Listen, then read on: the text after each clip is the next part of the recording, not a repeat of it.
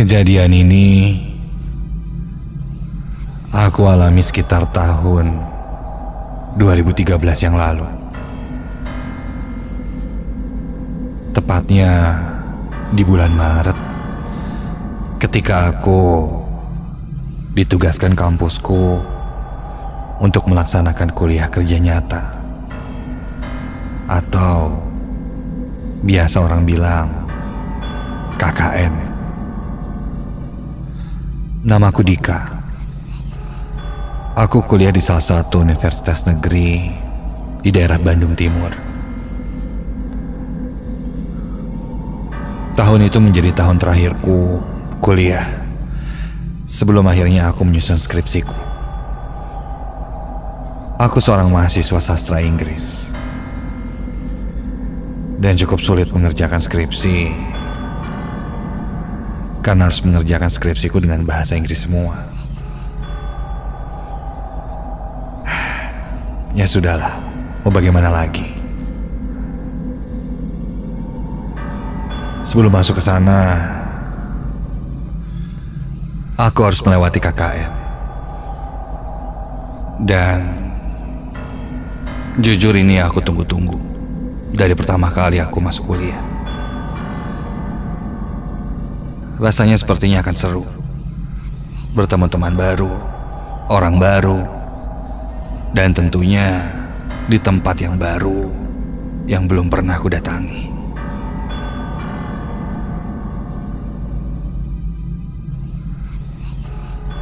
Hari itu hari Jumat. Hari di mana pengumuman untuk penempatan lokasi KKN. Dan alhasil, aku ditempatkan di daerah Subang.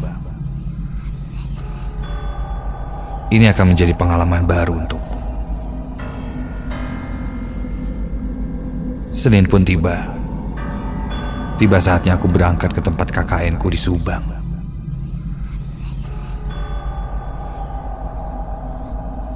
Aku ditemani kakak perempuanku yang mengantarku sampai ke kampus.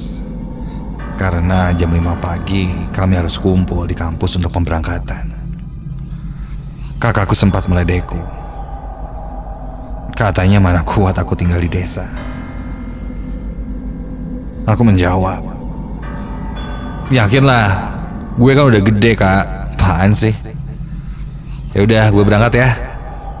Assalamualaikum. Gitu jawabku. Sebelum pergi, kakak berpesan lagi. Eh, lo hati-hati ya di sana. Jangan sompral. Soalnya di daerah Subang itu banyak banget tempat keramatnya. Dan kayaknya desa lo itu angker deh. Hati-hati ah. Ah, bodo amat. Udah, bye. Entah hanya menakuti atau memang benar adanya. Aku tidak tahu. Aku langsung mengambil koperku yang lumayan agak berat itu. Ketika aku lihat, jam menunjukkan masih jam setengah lima pagi. Namun suasana di kampusku sudah sangat ramai. Dengan mahasiswa yang penuh dengan barang bawaannya. Aku melihat sekitar hendak mencari teman satu kelompokku. Dan akhirnya aku menemukan yang aku cari. Dan aku pun kumpul sebentar. Setelah briefing, kami pun langsung menaiki bis yang siap mengantar kami menuju lokasi KKN di daerah Subang.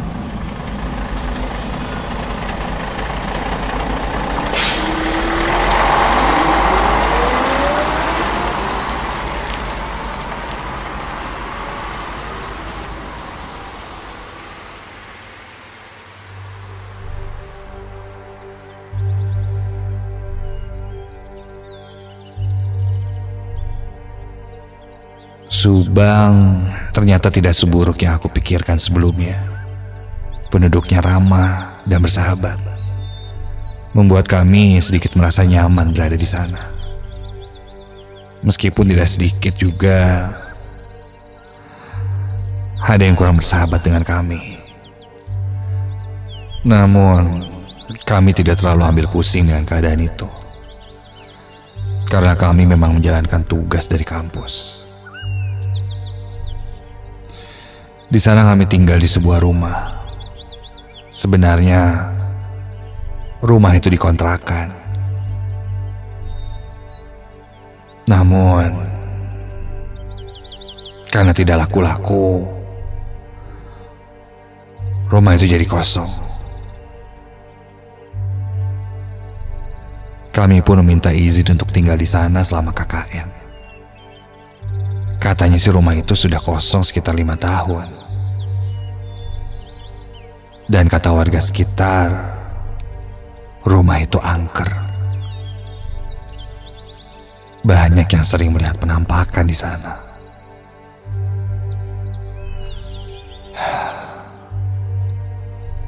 Ya, aku tidak terlalu menanggapi cerita-cerita yang beredar. Mungkin hanya untuk menakuti anak-anak kampus yang akan kakaknya di sana saja. Ya, bisa jadi karena memang rumahnya sudah kosong dan gelap.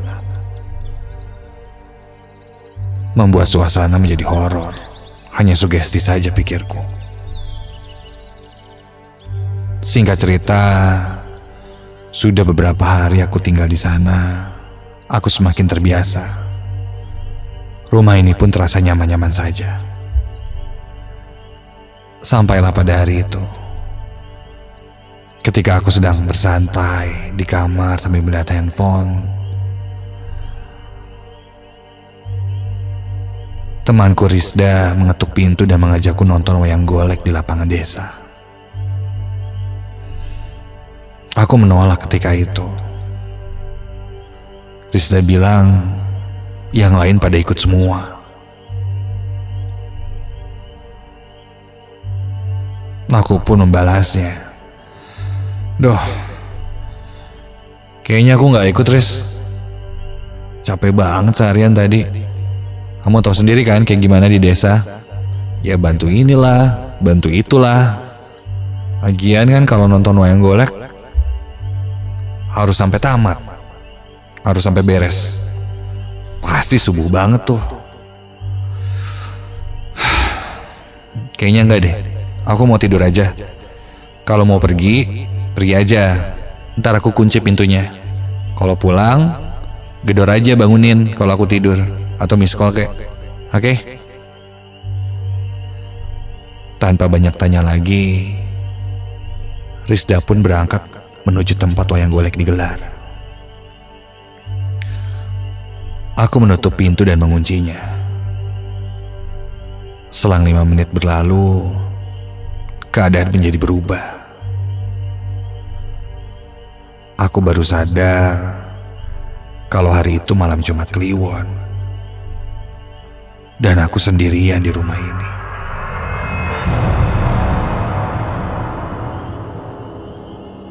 Sugestiku pun mulai terbayang-bayang hal-hal mistis.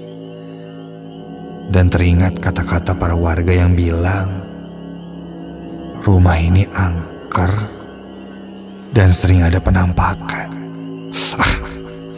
Gak, gak, gak. Lo gak boleh takut, Dik. Gak boleh takut lo. Ah, masa sama hantu aja lo takut sih? Ah. Gak, gak. Cuman sugesti ini mah. Gak ada, gak ada. Lo jangan takut. Begitu kataku dalam hati sambil menguatkan dan meyakinkan diriku agar tidak takut dengan keadaan ini.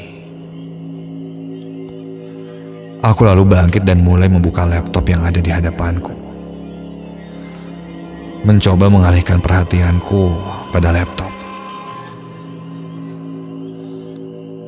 Sampai tak lama kemudian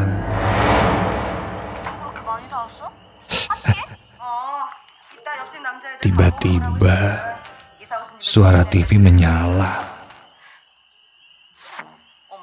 Terdengar dari ruang tengah. Ya. Siapa yang nyalain TV ya? Riz? Rizda? Riz? Aku coba memanggil temanku. Mungkin dia kembali dan tidak jadi menonton. Eh, tapi tidak mungkin. Pintunya kan aku kunci dari dalam. Karena memang kuncinya hanya satu. Aku semakin penasaran dan lumayan panik saat itu. Aku pun beranikan diri mengecek ruangan tengah yang tidak jauh dari kamar tidurku. Perlahan aku buka sedikit demi sedikit pintu kamarku. Gelap. Tak ada siapa-siapa. Namun jelas TV yang ada di sana menyala. Berarti TV itu menyala sendiri. Ah, mungkin TV-nya sudah tua dan error. Tuturku dalam hati. Aku pun mengambil remote TV yang ada di meja. Ketika aku berjalan, akan mengambil remote itu.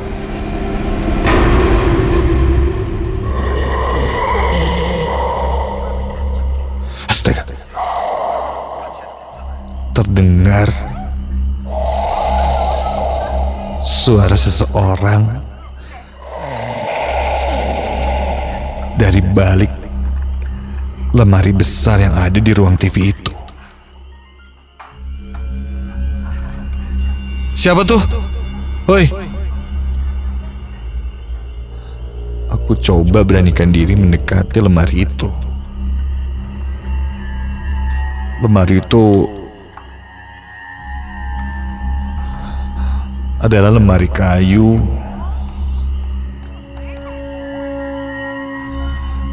dan dari kayunya sepertinya umurnya sudah cukup tua. Lemarinya cukup besar. Seperti lemari baju dengan dua pintu yang terbuka dari tengah.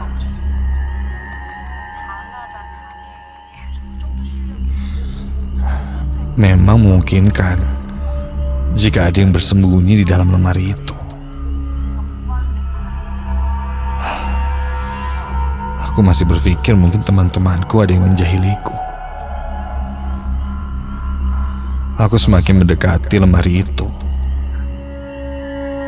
Dan ketika aku hampiri, tiba-tiba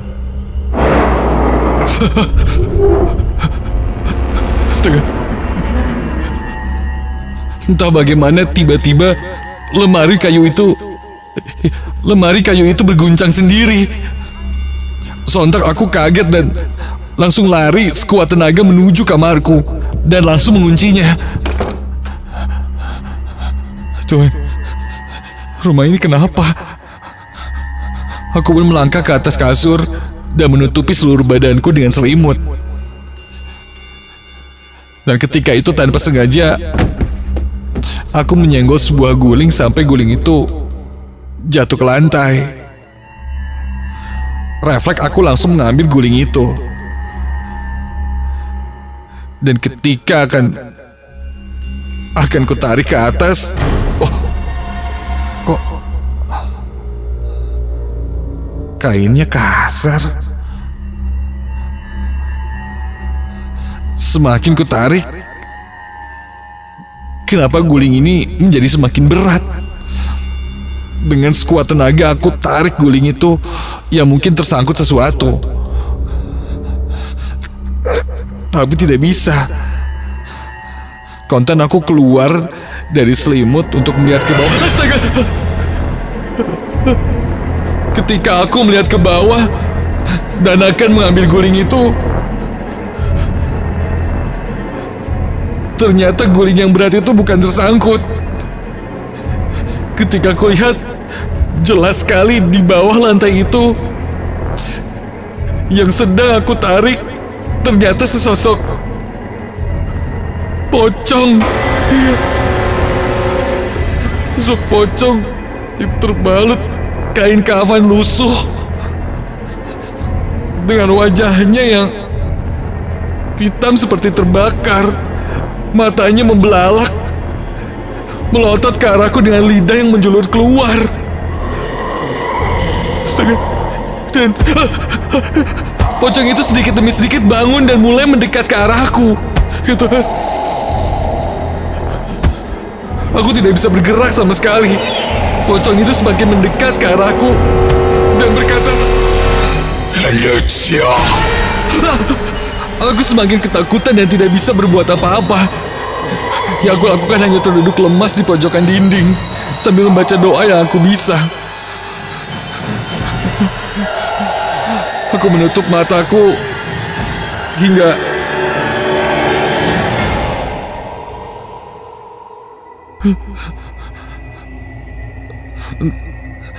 Entah bagaimana badanku terasa lemas sampai akhirnya aku pun ambruk ke lantai dan tidak ingat apa-apa lagi.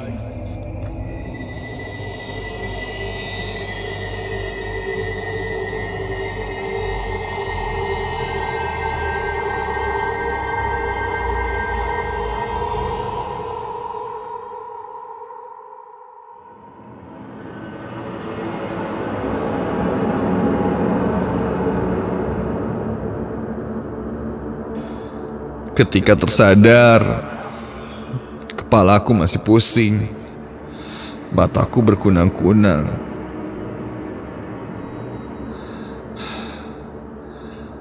Aku lihat teman-temanku sudah mengerubungiku dengan sejuta pertanyaan. Katanya pagi itu pintu terkunci dan ketika mereka memanggilku. Aku tidak bangun-bangun. Akhirnya mereka mendobrak pintu itu dan melihatku sudah dalam keadaan pingsan.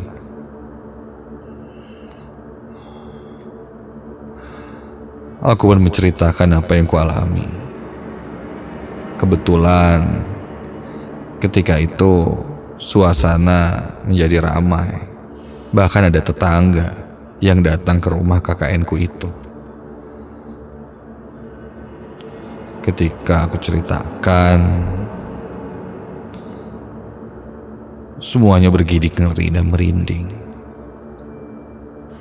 Sampai salah satu tetangga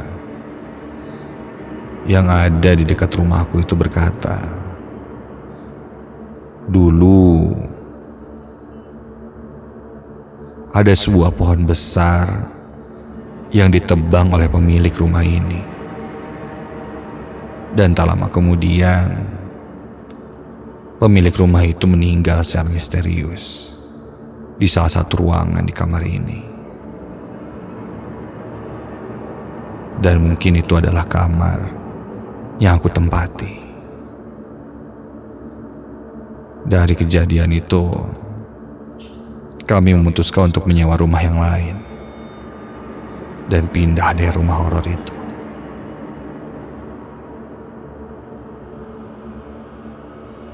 Mereka ada di sekitar kita. Ada untuk memperingatkan. Ada untuk menyampaikan pesan. Namun, menunggu waktu yang tepat dan orang yang tepat untuk mereka datangi.